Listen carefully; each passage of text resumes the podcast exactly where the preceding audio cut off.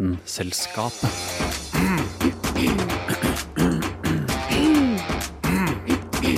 Vitenselskapet.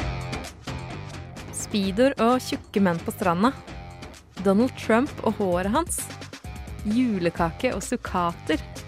Disse uappetittlige, men uatskillelige parene er dessverre ikke motiver i dagens sending av Vitenselskapet. Temaet er nemlig splittet.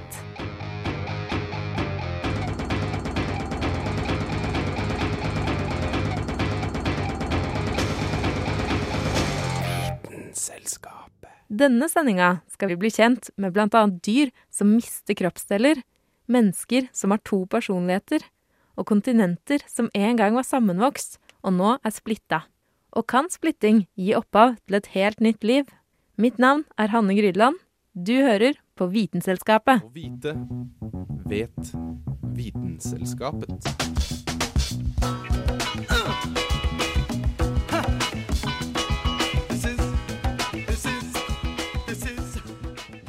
Vi skiller og separerer ting hele tida. Ekteskap går i vasken, mat deles opp. Men tenk å kutte fra hverandre to mennesker. Eller å leve et liv som sammenvokste tvillinger. To armer, to ben, ett hjerte, én lever, to hoder, siamesisk tvilling. We are Siamese, if you please. We are Siamese, if you don't please. Siamesiske tvillinger er sammenvokste tvillinger som oppstår når en befruktet eggcelle deler seg ufullstendig i to. Enøyde tvillinger er som kjent resultatet av en fullstendig deling av en befruktet eggcelle, men dersom dette skjer ufullstendig, får vi sammenhengende tvillingfostre. Fenomenet er svært sjeldent. Omtrent halvparten er dødfødte, og ca. en tredjedel dør i løpet av de første 24 timene. Siamesiske tvillinger deler fosterhinne, morkake og fostervann, i likhet med eneggede tvillinger. Man kan være sammenvokst på ulike måter. Vi deler dem derfor inn i kategorier. Følgende kategorier er blant de vanligste. Toraco omphalopagus. Tvillingene er sammenvokst ved øvre del av brystet. I slike tilfeller deler ofte tvillingene hjerte, lever og deler av fordøyelsessystemet. Thoracopagus. Tvillingene er sammenvokst fra brystet til nedre del av magen. Også i dette tilfellet deler tvillingene hjerte. Omfalopagus. Tvillingene er sammenvokst ved nedre del av magen. Fostrene har da hvert sitt hjerte, men deler ofte lever, fordøyelsessystem og andre indre organer. Kraniopagus. Tvillingene har sammenvokste hoder, men separerte kropper.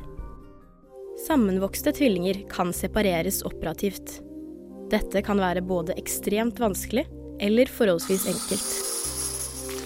Naturlig nok avhenger det hele av hvordan tvillingene er sammenvokst, og i hvilken grad indre organer deles. De fleste separasjoner er imidlertid svært risikable, og det er ikke uvanlig at ingen, eller bare én, av tvillingene overlever. I tilfeller der tvillingene deler ett hjerte, må man velge hvilket individ som skal få organet, og dermed ha mulighet til å leve. Naturligvis bringer denne utvelgelsen med seg en del etiske utfordringer. I februar i år greide sveitsiske kirurger å separere åtte dager gamle siamesiske tvillinger. Aldri før har så unge sammenvokste tvillinger blitt separert med hell. Tvillingene Maya og Lydia var sammenvokst ved mage og bryst. Fem kirurger, to sykepleiere og seks anestesileger måtte til for å gi de to jentene en sjanse til et normalt liv. Operasjonen tok totalt fem timer. Legene hadde egentlig tenkt til å vente med operasjonen, men etter en uke ble jentenes blodtrykk så ustabilt at separasjonen måtte gjennomføres fortløpende. Doktor Barbara Wildhaber, som ledet operasjonen, har uttalt at teamet var forberedt på at begge jentene kunne dø fordi situasjonen var så kritisk. Til tross for dette har Maya og Lydia nå blitt til to separate, friske jenter. Verdensrekorden er satt, og historie er skrevet. Det kan by på vanskeligheter å føde to babyer som er forbundet med hverandre. En vanlig fødsel er jo et helvete, men tenk å poppe ut to små mennesker på en gang, som også henger sammen. Tvillinger er imidlertid ofte forholdsvis små, og de fødes som regel for tidlig. Derfor kan spontan fødsel av siamesiske tvillinger skje uten store problemer. I dag finnes det ca. 200 vellykket separerte tvillinger i verden. Til tross for at mange tvillinger kuttes fra hverandre, er det også mulig å leve et liv som sammenvokst. Amerikanske Abigail og Britney Hensel er et eksempel på dette. De har hvert sitt hode, men deler kropp. Jentene har levd rimelig normalt og er nå 26 år gamle. We're identical twins who aren't conjoined. But our parents never let us use that as an excuse. While life as a conjoined twin sometimes has its challenges, we were raised to believe that we could do anything we wanted. So we do. De styrer hver sin side av kroppen, hvilket innebærer et unikt samarbeid. Små fysiske handlinger, som å klappe eller å gå, krever dermed et fungerende samspill. Left. Right. Left. Right. To armer, to ben, ett hjerte, én lever. To hoder. Siamesisk tvilling. We are Siamese, if you please. Dette innslaget var laget av Agnes Alstad Mokstad. Vi avbryter den ordinære sendingen for å bringe deg verdens romsnytt.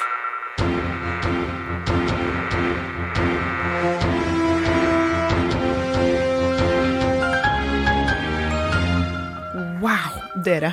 For en uke dette har vært. Ikke bare er det 14 år siden at Britneys Crossroads kom ut på kinoer verden over. Mindre stas er det heller ikke at Yeezy har sluppet et nytt album. Men menneskeheten har fått bekreftet funnet av gravitasjonsbølger. Fanfare. Funnet er en utrolig bragd, og jeg må nesten holde meg igjen for ikke dra den helt Knut Jørgen Rød Ødegård her. Det er da altså den store gjengen på LIGO, The Laser Interferometer Gravitational Wave Observatory, som er et enormt forskningssamarbeid finansiert av bl.a. National Science Foundation i USA og Max Planck-instituttet i Tyskland, for å nevne noen. Involvert er over 1000 forskere knyttet til prosjektet, og får en prislapp på lune 620 millioner dollar. Det er over 5,3 milliarder kronasjer, det. De første åra på LIGO var det bølgefritt og et pinlig stille romhav. Men så, i 2010, oppgraderte de detektorene til et avansert LIGO-system som er ti ganger så sensitivt som det første. Og da sparka det løs som en drittunge i flysetet bak deg. Den 14. september i fjor oppfanget to av LICO-detektorene i Louisiana og Washington et signal. Et signal forårsaket av to sorte hull med 30 ganger solas masse som slynget seg rundt hverandre i en brutal gravitasjonsdans. Idet de fusjonerte til et sort hull, kasta de av seg en masse på tre soler, og denne energien skapte bølger i tidrommet. Bølger som nådde jorda 1,3 milliarder lysår senere. Dette er jo fantastisk, ikke bare fordi vi nå kan observere rommet med helt nye øyne, og vi samtidig har bekreftet O store Einsteins forutseelse i relativitetsteorien 100 år senere, men òg fordi den beviser at gravitasjon ikke er en kraft, men heller en krumming av tidrommet. Dette er jo da firedimensjonalt preik, som oversatt til endimensjonalt preik betyr at legemer med stor masse krummer tidrommet slik en bowlingkule ville krummet et trampolinenett. Helt utrolig, og det er det eneste jeg har å melde i Verdensromsnytt i dag. Så da gjenstår det bare for meg å si, fra brunstjerna til månetoppen, Johanne Furuseth, over og ut! Vitenselskapet. Vitenselskapet på Radio Nova. De fleste har vel hørt om Dr. Jekyll og Mr. Hyde, den berømte historien om vitenskapsmannen som skifta mellom to helt ulike personligheter. Selv om dette er en fiktiv historie, finnes det faktisk mennesker i virkeligheten som opplever å ha en splitta personlighet. Det er ikke alltid så lett å bare være seg sjæl, men for noen mennesker er dette vanskeligere enn andre, fordi de har mer enn ett jeg. På fagspråket kalles det dissosiativ identitetsforstyrrelse, men de fleste kjenner nok bedre til fenomenet som splitta personlighet. Det høres kanskje ut som grunnlaget for et usannsynlig Hollywood-plott, som det ofte er, men det er faktisk en reell greie. Eller er det det?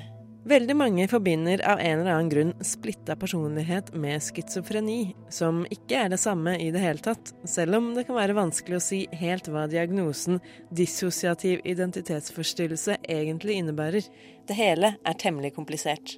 Å ha dissosiativ identitetsforstyrrelse, eller splitta personlighet, som jeg kommer til å si fra nå av, betyr at du har ett primær-jeg som som regel fungerer som et slags hverdags-jeg det er dette jeget som tilsynelatende er den normale personligheten, og som vanligvis identifiserer seg med det navnet man fikk ved fødselen. Men man har også ett eller flere alternative jeger. Disse personlighetene har ofte sine egne navn og sine egne minner, og derfor også en helt annen oppførsel. Ofte husker man ikke helt hva de andre identitetene har gjort eller sagt, noe som gjør at de som har denne lidelsen, også sliter med store hull i hukommelsen. Hvis man leser om splitta personlighet eller ser det på film, kan det virke som at de andre personlighetene alltid er hissige og aggressive, og det kan de også være. Som regel er de bare helt vanlige personer, bare at du vet, de egentlig er skapt inni noens hode. Og av og til hender det at de er kjendiser, mytologiske figurer eller dyr.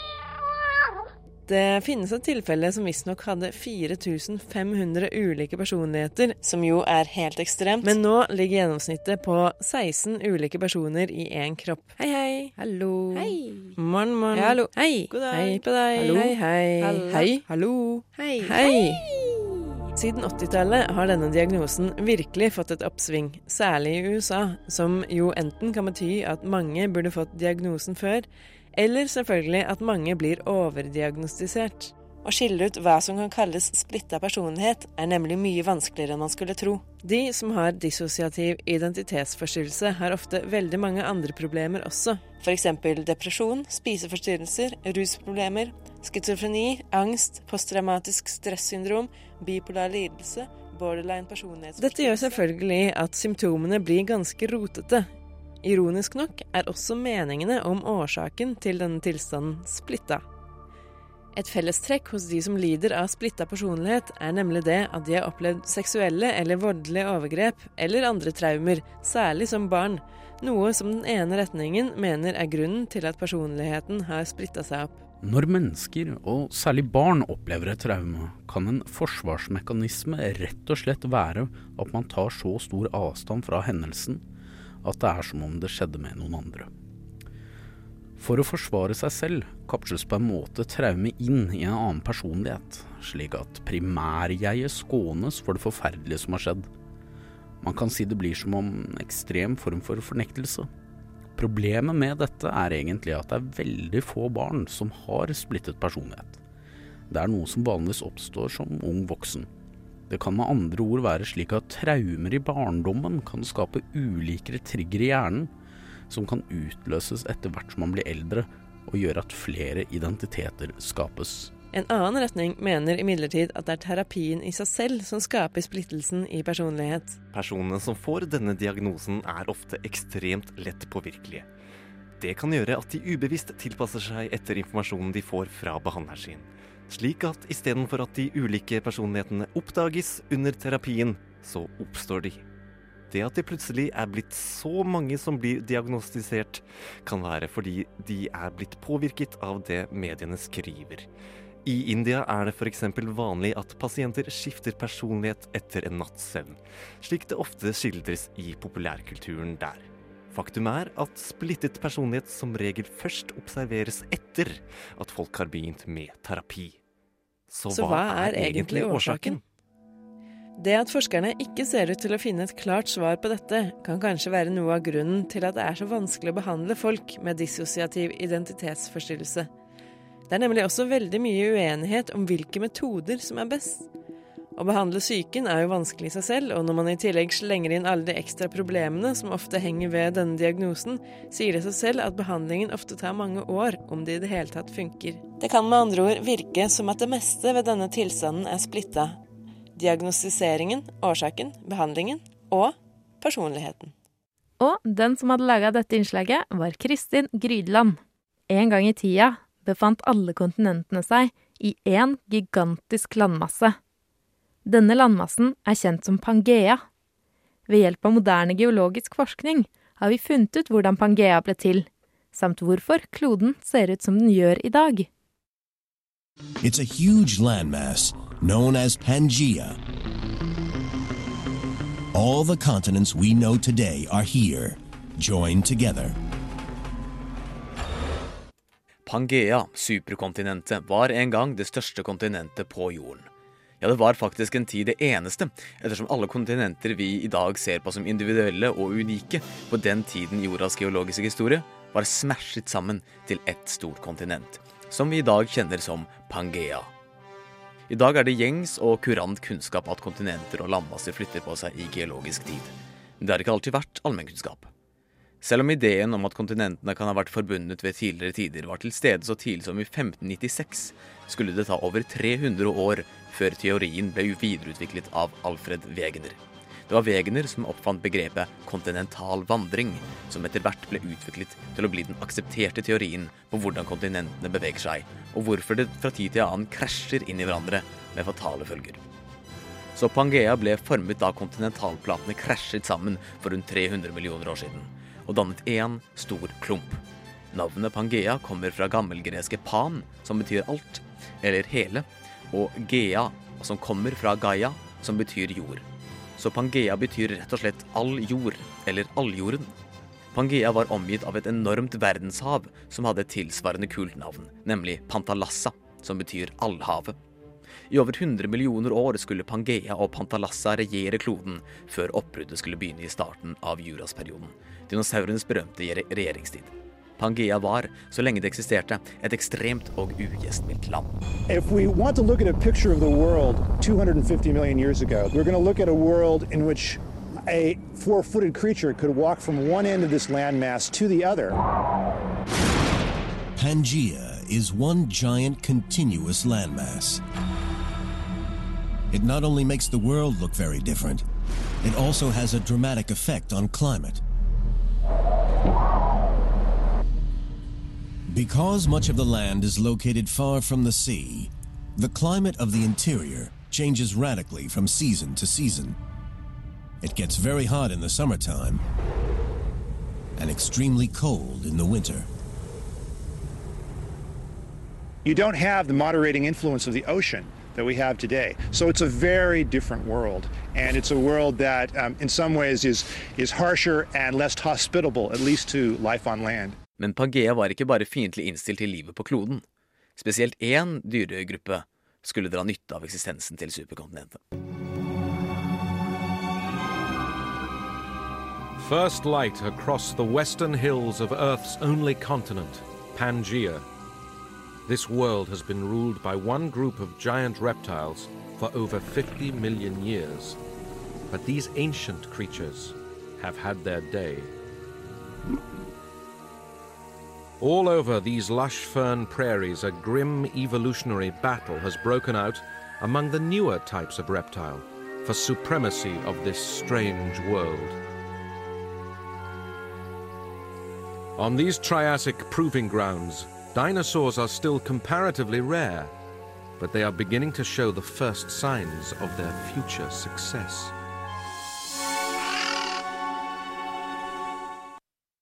Så takket være Pangea kunne dinosaurene erobre kloden i ett slag. Og selv når Pangea ble splittet opp, skulle de forbli herskere i 250 millioner år. Men så skulle drastiske ting skje med Pangea. 250 million years ago, and the supercontinent of Pangea is breaking up. The continents we know and recognize today begin to take shape. Over the next tens of millions of years, South America drifts away from Africa, North America away from Europe. Australia splits off from Antarctica and heads north to warmer climes. The positions of our continents are becoming familiar. Selv om livet på jorden i dag er spredt utover hele syv kontinenter, og at jorden har endret seg enormt mye de siste 250 millioner år, kan man på mange måter si at dagens sammenkoblede og globaliserte samfunn danner et nytt superkontinent. Et moderne Dag Dramer Pangea. var mannen bak dette innslaget. Hæla i taket med Vitenselskapet.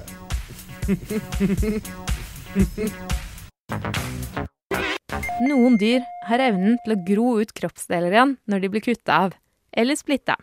Vi har besøkt Petter Bøckmann og fått høre om topp fem regenererende dyr. Jo, nå skal du høre. Det som er så spennende med den lille krabaten her Og så stikker den sugesnabelen i deg, og så surper den i fra boken. Flash, flash, flash. Blim, blim, blim, blim, blim, blim, blim. Bøckmann, og jeg er zoolog. Ta-da! Topp fem regenererende dyr. På femteplass. Så må jeg nevne salamanderen. Dette er et av de dyrene som vitenskapen har kost seg litt ordentlig med. Det er nemlig sånn at hvis en salamander mister et bein, så gror det ut igjen. Dette har vært forsket nøye på. Hvor går grensen? Hvor mye kan salamanderen miste av dette beinet? Og da var det en forsker som satte seg ned, så klepte han beina av en salamander, og så venta til de grodde ut. Og da de grodde så klippet han av beinet en gang til, og ventet til de grodde ut. Og så klippet han av beinet en gang til, og så grodde det ut igjen. Og dette holdt han med mer enn 100 ganger da han gått lei og skjønte på en måte hvor lei jeg lå. Salamanderen, dyret som kan gro nye bein. Nummer fire. På fjerdeplass har vi et av de dyrene som kanskje de fleste av oss har hørt om som regenererer, og det er meitemarken. Vi ser jo det at hvis vi splitter en meitemark i to, så får vi to meitemarker. Det er ikke helt sant. Men den delen som har munn, den kan vokse ut og bli en meitemark. For den meitemarken, den trenger i bunn og grunn bare å legge på seg for å vokse. Bakenden, den som bare har rumpe, den sulter i hjel.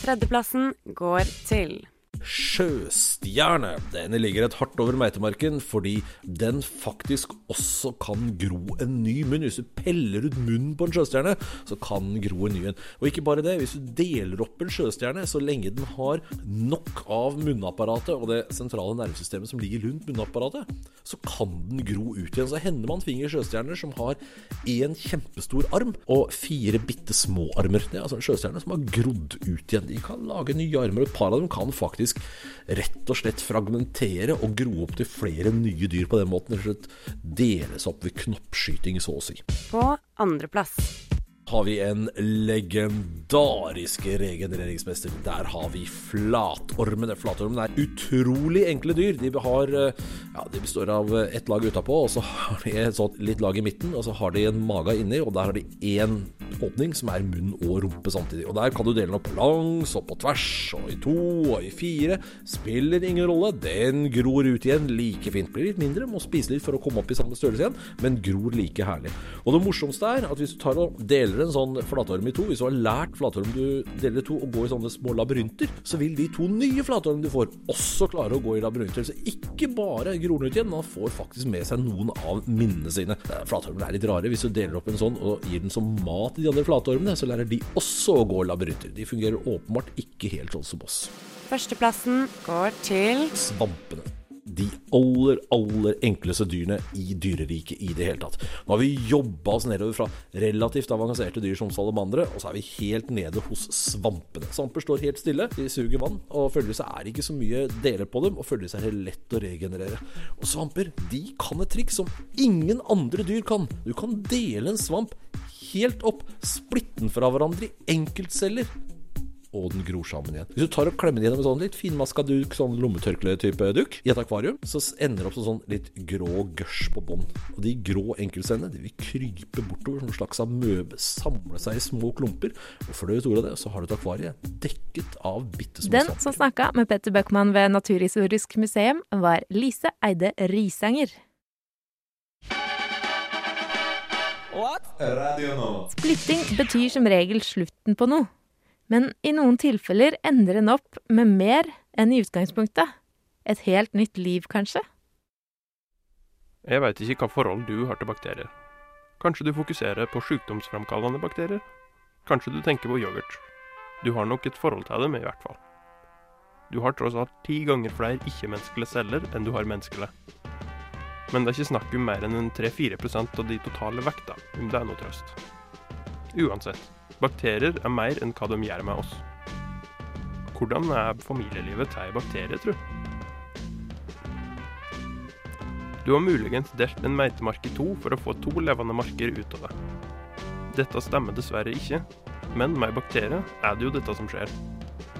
Bakterier bedriver aseksuell reproduksjon, og i stedet for å ha sex og vente ni måneder på et avkom, deler de seg like greit i to. Og ender opp med en ny, fullverdig bakterie. Binær fusjon heter dette. En effektiv måte for enkle organismer å formere seg på. Med den bonusen at formering kan gå fort. Veldig fort. Farten på bakterienes vekst er i utgangspunktet eksponentiell. Dobling og nydobling.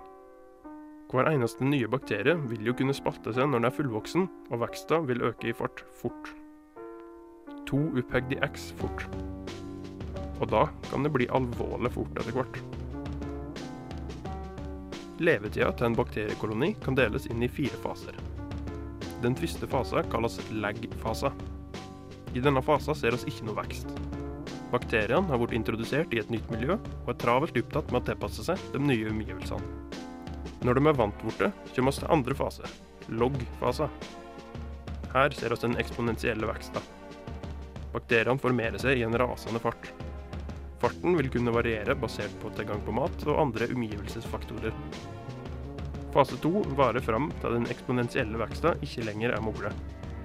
Bakteriene har brukt opp mye av maten sin og produsert for mange avfallsstoff. Vi er nå over i fase tre, som er litt uinteressant. Her har ting stagnert. Antallet bakterier vil helle seg forholdsvis stabilt. Like mange bakterier blir skapt som dør. Dette varer fram til bakteriene støter på et problem. Det kan være mangel på mat, en ulugum temperatur, avfallsstoffer osv. I siste fase, dødsfase, vil bakteriene begynne å dø, og mesteparten vil dø ganske fort. Antallet vil fort gå ned tilbake til start. Hvor fort vokser faktisk en bakteriekoloni? Det vil variere fra bakterie til bakterie, fra miljø til miljø. RKs eleksjonsteori sier at evolusjonært kan du fokusere på to ting. Kvalitet og kvantitet på avkommet. Du kan spy ut en haug og se hva som funker, eller du kan bruke 18 år på å oppdra noe som kanskje ender opp som en radionerd. Bakterier fokuserer i større grad på kvantitet, siden det er så lettvint, men forskjellene i bakteriene kommer ofte ut på hvor sterkt fokuset er på hvor godt avkommet er tilpassa omgivelsene. En av de raskest voksende bakteriene er en liten rakker du sikkert har hørt om, nemlig E. coli. Denne dobler seg ca. hvert 20. minutt. Om man ser bort fra begrensende faktorer, blir det fort hjelma mange. Etter en time ender vi opp med åtte bakterier. OK, ikke så imponerende. Etter to timer har hun 64 bakterier. Lite grann, iallfall. Etter fem timer 30 000. En dag ute i veksten er det ti opphøgg i 22 bakterier. Tusenvis av milliarder av milliarder. Bra at naturlovene ikke tillater vekst i det uendelige. En enda raskere formerende bakterie har blitt funnet av noen dansker ved Århus universitet. Denne har halvparten av formeringstida til E. coli og spalter seg hvert tiende minutt. Etter fem timers uhemma vekst er det her snakk om 100 millioner nye organismer. Bakterien lever i Lake Tanganyika i Øst-Afrika. Bakteriene er anarobe og klarer seg uten oksygen. De er òg termofile, som betyr at de liker varme. Grunnen til at de da kan leve i en innsjø, er at det er varmekilder i bunnen. Hardføre saker. Hva har den raske veksten å si for oss? For det første kan bakterier fort bli mange, og det byr på problemer. Mat kan fort bli forderva, f.eks. For Et annet stort problem er at når det er så stutte generasjoner som er så mangfoldige, er det en større sjanse for genetisk mutasjon. Endringer i genmaterialet vil gjøre seleksjonsprosessen mogle, og særlig med tanke på resistens er det en utfordring. Antibiotika vil ta livet av mesteparten av bakteriene, men muligheten for adaptasjon vil gjøre at resistensen vokser fram. Og oss ender opp uten noe middel mot bakteriesykdom. Faen at naturen skal være så Innslaget var produsert av Carl Adams Kvam. Vitenselskapet.